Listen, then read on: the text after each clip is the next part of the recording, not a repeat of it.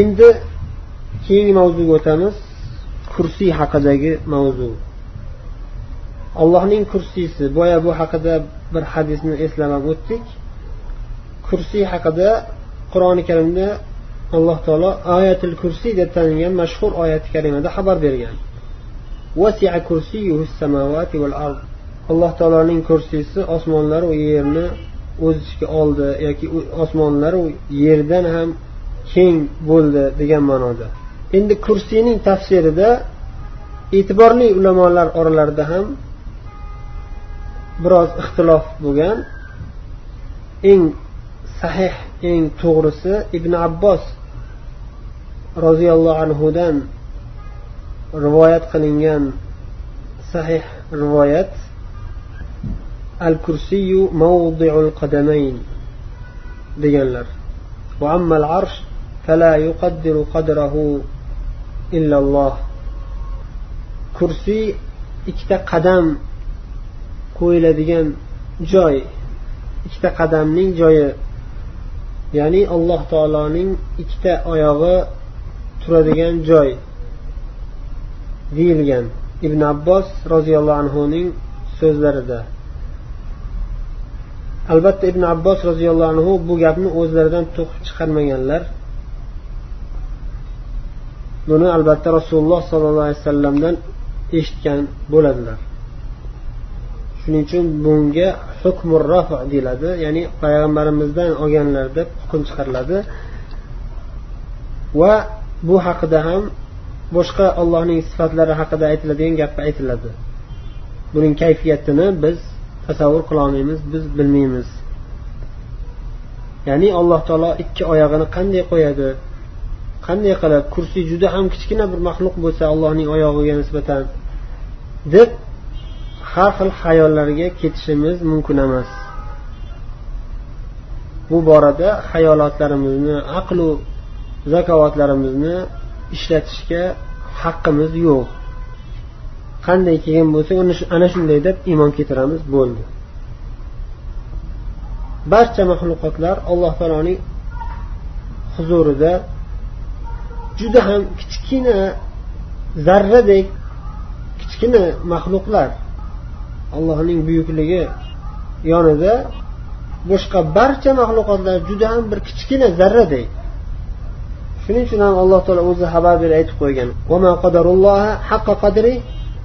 والأرض جميعا قبضته يوم القيامة والسماوات مطويات بيمينه سبحانه وتعالى عما يشركون alloh taoloning haqiqiy qadrini bu odamlar bandalar bilishmadi yoki qadriga yetishmadi. Alloh taoloning qabzasida changalida bo'ladi yerning hammasi. Qiyomat kuni va osmonlar allohning o'ng qo'lida yopilgan holatda bo'ladi. Subhanahu va taala amma yushrikun. Alloh taolo naqadar ham pok muqaddas oliy bo'lgan zot amma yushrikun. Mushriklar shirk keltiradigan narsalardan alloh taolo buyuk oliy pok bo'lgan zot. Zumar surasining oltmish yettinchi oyati. Endi uchinchi mavzuga o'tamiz alloh taoloning oliy zot ekanligi. Butun koinotning tepasida ekanligi. Alloh taoloning oliy zot ekanligi ya'ni tepada ekanligi qur'onu hadislarda juda ham ko'pdan ko'p oyatlarda sobit bo'lgan. Alloh taoloning tepada bo'lgan balandlikda oliy zot bo'lganligi sifati bu sifatiga dalolat qiladigan dalilu hujjatlar qur'on hadislarda son sanoqsiz yuzlab balki minglab dalillar bor qur'on hadisda alloh taoloni tepada ekanligiga dalolat qiladigan. Ulamolar bu dalillarni bir necha qismga bo'lib jamlashadi ya'ni dalillar juda ham ko'p uni bir necha turga bo'lishimiz mumkin.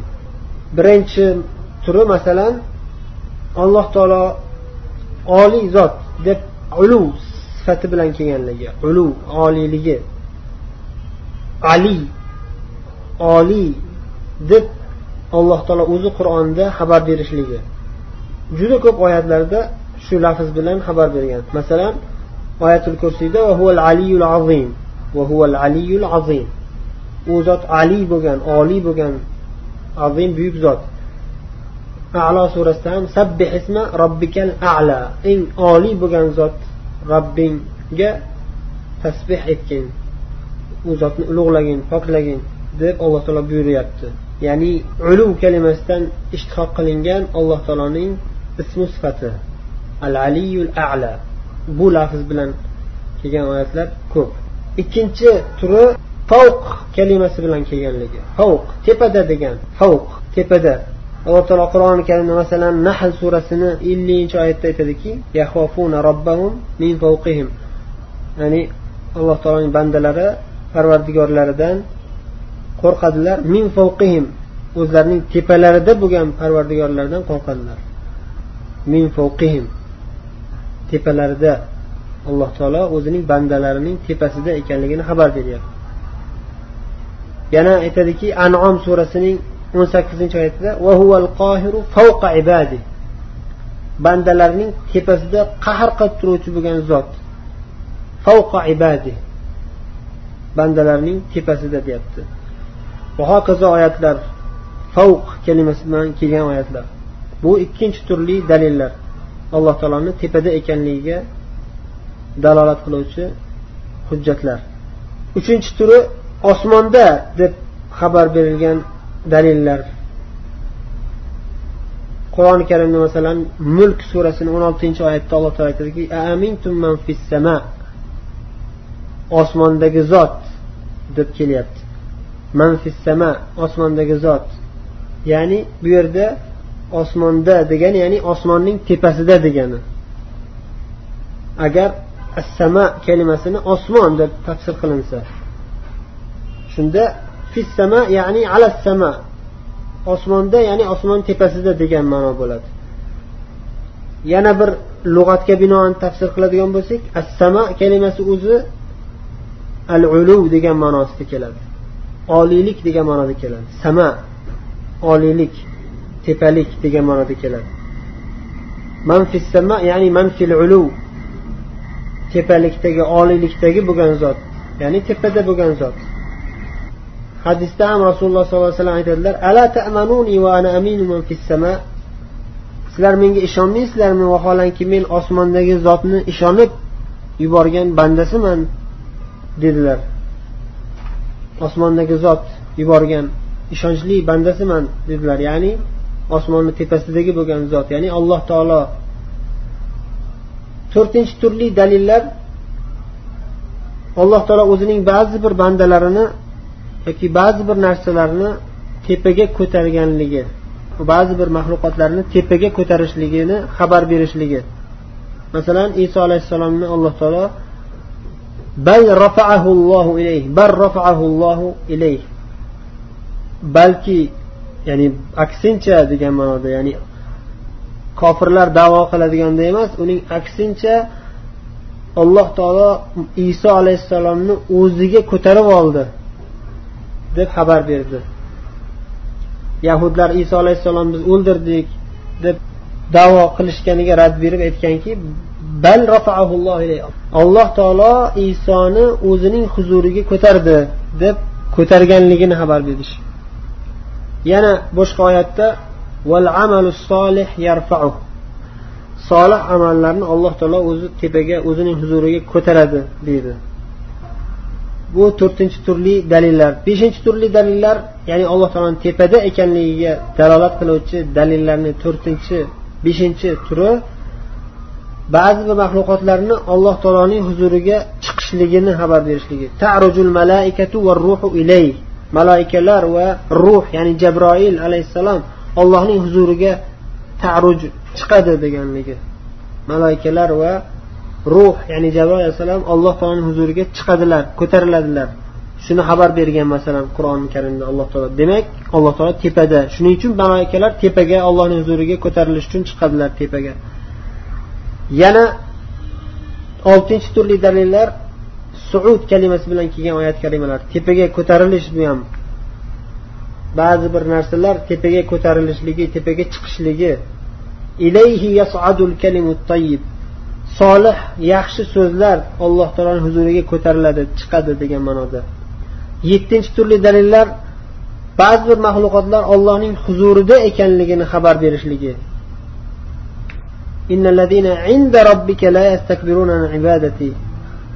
Albatta sizni robbingizni huzuridagilar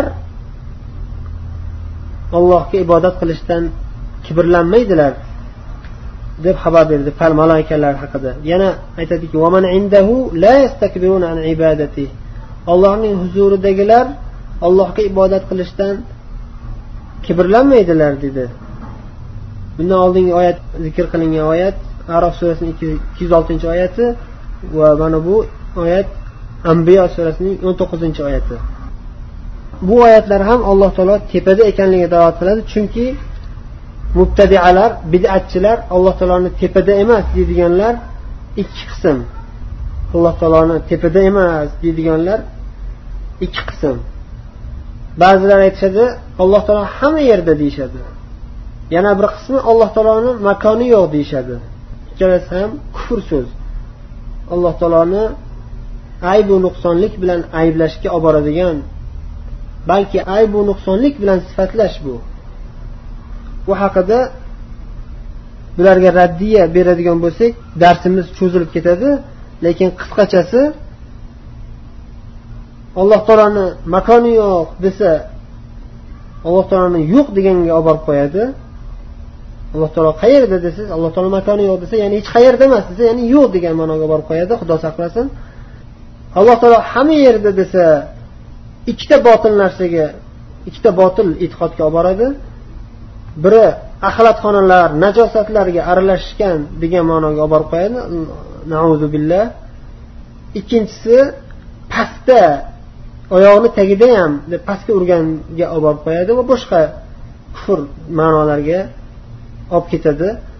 Masalan alloh taolo bandalarga aralashib aralash qo'ralash bo'lib ketgan degan hululiya ittihadiya kufr so'zlariga olib borib qo'yadi. Nauzu billah. Lekin biz mana bu yettinchi turli oyatlarni alloh taoloni oliyligiga dalolat qiladi deb aytishimizga sabab ya'ni allohning huzuridagilar ya'ni farishtalar allohga ibodat qilishdan kibrlanmaydilar degani o'zi ochiqchasiga tepada deb aytmayapti bu yerda. Lekin allohning huzurida deyishligi inda inda ya'ni huzurida deyishligi ma'lum bir makon ma'lum bir joyga ishora qilyapti. U joy qayerda bo'ladi? Agar alloh hamma yerda desak allohning huzuridagilar deb xoslashni ma'nosi bo'lmay qoladi. Xoslash yo'q bo'ladi bu yerda hamma maxluqotlar allohning huzurida degan ma'no kelib chiqadi. Farishtalarga xos bo'lmaydi bu oyat unda. Hamma maxluqotlar alloh taologa ibodat qilishdan kibrlanmaydi. Ya'ni kofirlar ham shayton ham boshqasi ham ularni ham maqtashga kirib qoladi xudo saqlasin. Billah. Ya'ni farishtalarga xos emas bu degandek. Alloh hamma yerda desa hamma narsa ollohni huzurida degan ma'noga borib qo'yadi. Bu botil ma'no. Allohning huzuridagilar farishtalar. Qayerda ular? Qayerda bo'lishi kerak? Yo tepada bo'lishi kerak yo pastda bo'lishi kerak yo o'ngda yo chapda. Qayerda? Yo oldinda yo orqada. Tepada emas desa bu noqis. Oldingizda yoki orqangizda yoki o'ng o'ng tarafingizda yoki chap tarafingizda desak siz bilan teng bo'lib qolgandek bo'ladi. Pastda desak sizdan o'zingizdan pastga urgandek bo'lib qolasiz. Tepada deysiz. Allohning huzurida tepada degani. Eng mukammal hol eng mukammal daraja tepalik oliylik bu aql bilan ham isbotlanadigan ochiq haqiqat. Oliylik mukammallik bu. Shuning uchun ham alloh taoloni tepada ekanligi beshta umumiy dalil bilan isbotlanadi. Biz hozir zikr qilganlar qur'onda kelgan dalillarni yettita turga bo'lindi lekin endi bu birinchi dalil desak qur'onda kelgan barcha oyatlarni mana shu yetti tur yetti xil turga bo'lgan oyatlarni hammasini bir umumiy qismga bo'lib turib qur'oni karim desak bu birinchi. Ikkinchi dalil hadisda son sanoqsiz kelgan hadislar alloh taoloning tepada oliy zot ekanligiga qilgan. Uchinchisi butun salafi solihlar ittifoq qilgan ijmo qilgan barcha salaf solihlar ittifoq qilishligi va va ittifoq qilishligi va bu ittifoq dalil bo'ladi bizga. Salaflarimiz sahobiy ikromlar qaysi bir masalaga ittifoq qilishsalar albatta ana shu narsa haq bo'lishligini hadisda rasululloh sollallohu alayhi vasallam xabar berganlar bu uchinchi umumiy qism dalil bo'lsa alloh taolo oliyligiga da'vat qiladigan. To'rtinchisi fitrat dalili.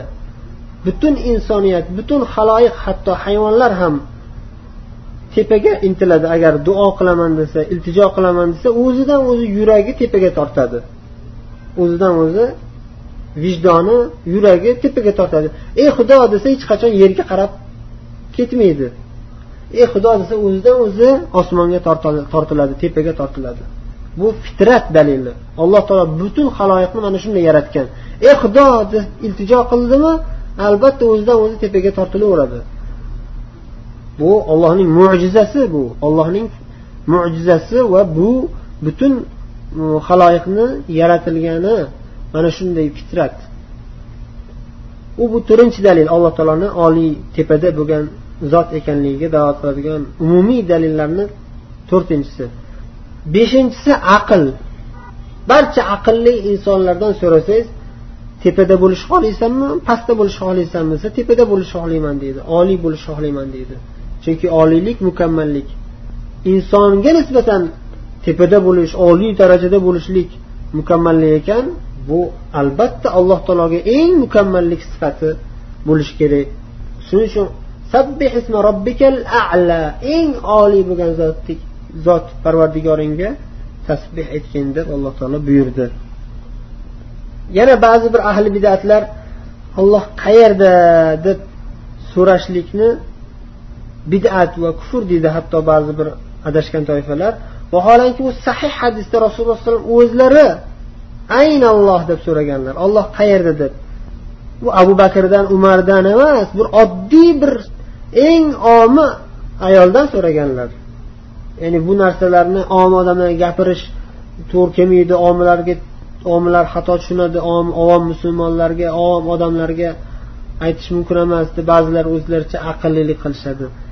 E vaholanki rasululloh sollallohu alayhi vasallam bitta cho'ri ayoldan so'radilar. Aynalloh deb sahih muslimda sahih hadisda muoviyat ibn al hakam as sulamiy roziyallohu anhu o'zlarining cho'rilarini jahllari chiqqanda bir shapaloq urib keyin afsus qilib rasululloh sollallohu alayhi vasallamdan so'radilar nima qilayman urib qo'ydim shu cho'rimni yuziga jahlim chiqib qolganda man bir insoniylik ojizlik qilib qo'ydim ey rasululloh deganda chaqir u ayolni dedilar.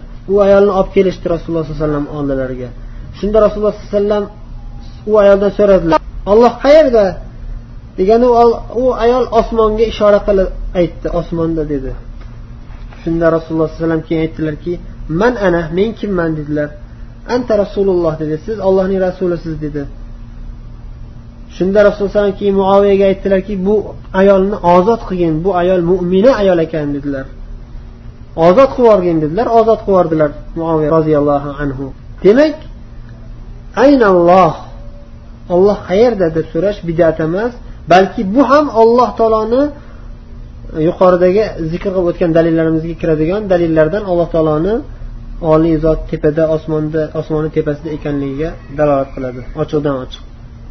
Endi ba'zi bir yana o'zi o'shalar o'zlarini aqllarini sahih hadislar va oyatlarni ustidan hukmron qiladigan toifalar alloh taoloni tepada osmon tepasida deydigan bo'lsak ma'lum bir makon bilan cheklab qo'ygan bo'lamiz deb o'zlaricha davo qilishadi. Bu ham botil davo o'zlarini tasavvurlari botilligidan kelib chiqqan.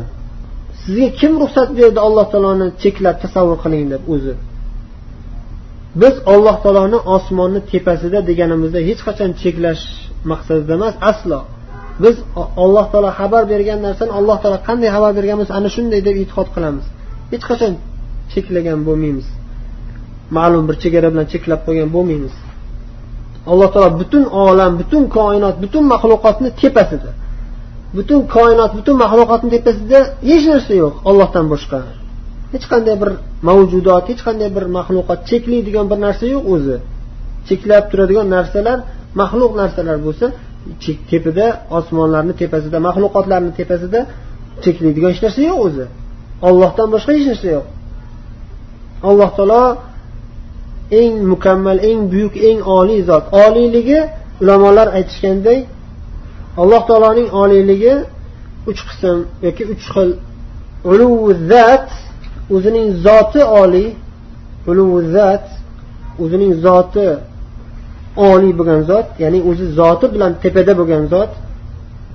Eng oliy barcha koinotlarni barcha maxluqotlarning tepasida bo'lgan zot va ana shu tepada bo'lishligi bilan birga o'zi barcha maxluqotlarni o'zining ostida boshqarib turgan qahr qilib turgan zot uluvul qahr bu ikkinchi turi.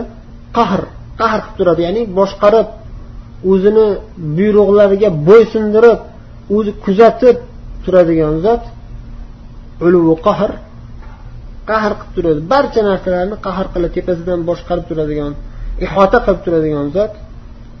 Uchinchi tur uluvi qadr. Uluvul qadr. Alloh taoloning qadri azamati buyukligi juda ham oliy bo'lgan zot. Ya'ni eng kuchli zot eng qudratli zot barcha narsaga qodir bo'lgan zot eng buyuk bo'lgan zot eng ulug' zot va hokazo ulug' qadr deyiladi. Endi yana bir narsaga to'xtalib o'tsak degan so'zlariga imom tahoviy aytganlari alloh taolo arshdan ham arshdan kichkina yoki arshdan quyi bo'lgan narsalardan ham behojat bo'lgan zotdir. Alloh taolo o'zi arsh ustiga ko'tarilgan deb xabar berdi va arsh ustiga ko'tarilishligi bu arshga arshni ustiga o'tirishga hojatmandligidan emas aslo. Alloh taolo o'zining buyukligini izhor qilish yo'llaridan bittasi bu. Alloh taolo o'ziga o'zining hikmatiga binoan o'zining buyukligini izhor qilyapti. Arsh ustiga ko'tarildi deb xabar beryapti. Kayfiyatini biz tasavvur qilolmaymiz yuqorida aytganimizdek. Va qat'iyan aytamizki biz alloh taolo arshga muhtoj emas aslo. Alloh taolo arshga hech qanday hojati yo'q. Balki arsh alloh taologa muhtoj. Agar alloh taolo arshni yo'q qilib yuboraman desa yo'q qilib yuboradi. Alloh taolo arshga muhtoj emas. Lekin alloh taoloning hikmati va qudrati shuni taqozo qildiki arshni yaratdi va arsh ustiga ko'tarildi. Keyingi nuqtada aytdilarki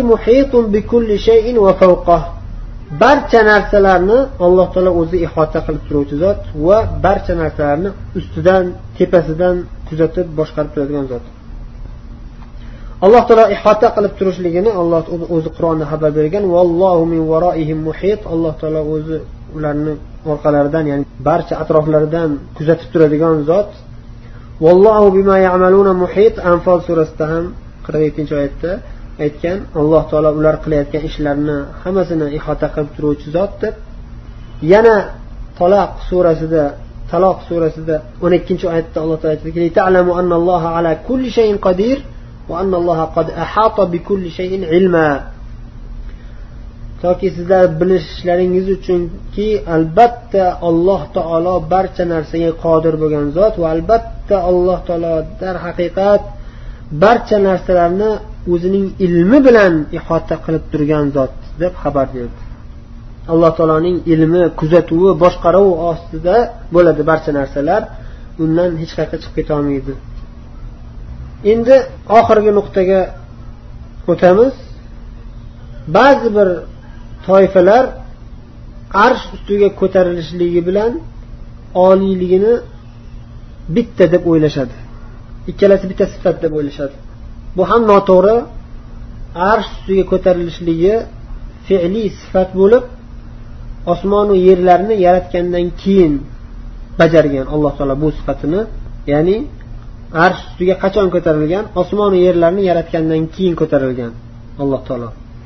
Lekin oliylik sifati esa azal azaldan bo'lgan o'zining zotiy sifatlaridan. Alloh taoloni oliy ekanligi tepada ekanligi o'zining azaldan bo'lgan o'zi bilan birga bo'lgan zotiy sifatlaridan alloh taolo azaldan barcha haloyiqlarni tepasida barcha maxluqotlarni tepasida bo'lgan zot. Oliyligi sifatun zatiyatun abadiyatun azaliya alloh taolo azal azaldan va abadul abad doimo shunday oliy bo'lgan zot tepada bo'lgan zot eng yuqorida bo'lgan zot. Barcha koinot barcha maxluqotlar alloh taoloning ostida alloh taoloning tagida alloh taolo oliy zot ekanligi mana shunday umumiy va azaliy ammo arsh esa bu arsh ustiga ko'tarilishlik esa sifa fe'liya arshga xos. Fe'liy sifat va arshga xos. Ya'ni hech kim aytishi mumkin emaski alloh taolo yer ustiga ham istivo qilgan osmonlarni tepasiga ham istivo qilgan deyish mumkin emas. Chunki istivo sifati ko'tarilishlik sifati bu fe'liy sifat arshga xos. Shu nuqtaga ham e'tibor berib yaxshi tushunib olishimiz kerak. Shu bilan bugungi darsimiz yakun topadi. Oxirgi nuqta qolibdi